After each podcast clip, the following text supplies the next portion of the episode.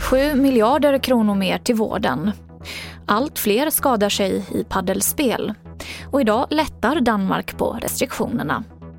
TV4-nyheterna börjar med att i morse så inleddes rättegången i ett av Stockholms största brottmål med koppling till kriminella nätverk någonsin. 30 personer inom och runt Vårbynätverket står åtalade för flera grova brott som mordförsök och kidnappning. Och en av de åtalade är hiphopartisten Yasin Mahamud. Och mer om det här på tv4.se. Regeringen vill satsa ytterligare 7 miljarder kronor på vården på grund av pandemin. Det handlar bland annat om att förstärka vaccinations och smittskyddsarbetet men också pengar för att klara av vård som skjutits upp på grund av pandemin. Det handlar om att minska belastningen på sjukvården, både för personalen och eh, för de som väntar på sin behandling. Men därutöver så är de samhällsekonomiska vinsterna av en snabb vaccination enorma.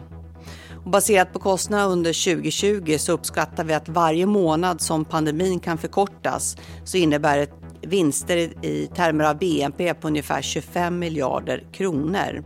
Det sa finansminister Magdalena Andersson. Det är allt fler personer som skadar sig vid paddelspel runt om i Sverige. Detta efter att sporten närmast har exploderat i landet de senaste åren. TV4-nyheternas rundringning visar att var tredje region har märkt en tydlig ökning av skador kopplade till just paddel. En stor del är givetvis att det har blivit väldigt populärt. Ehm, sekundärt till det så tror jag att vi, vi tänker inte likadant med paddel som vi gör i många andra sporter. Exempel om du är fotbollsspelare, det första du gör är ju givetvis en uppvärmning. Ehm, du ser till att du kanske gör lite kvadrat och du gör lite spelövningar och sånt innan du spelar match.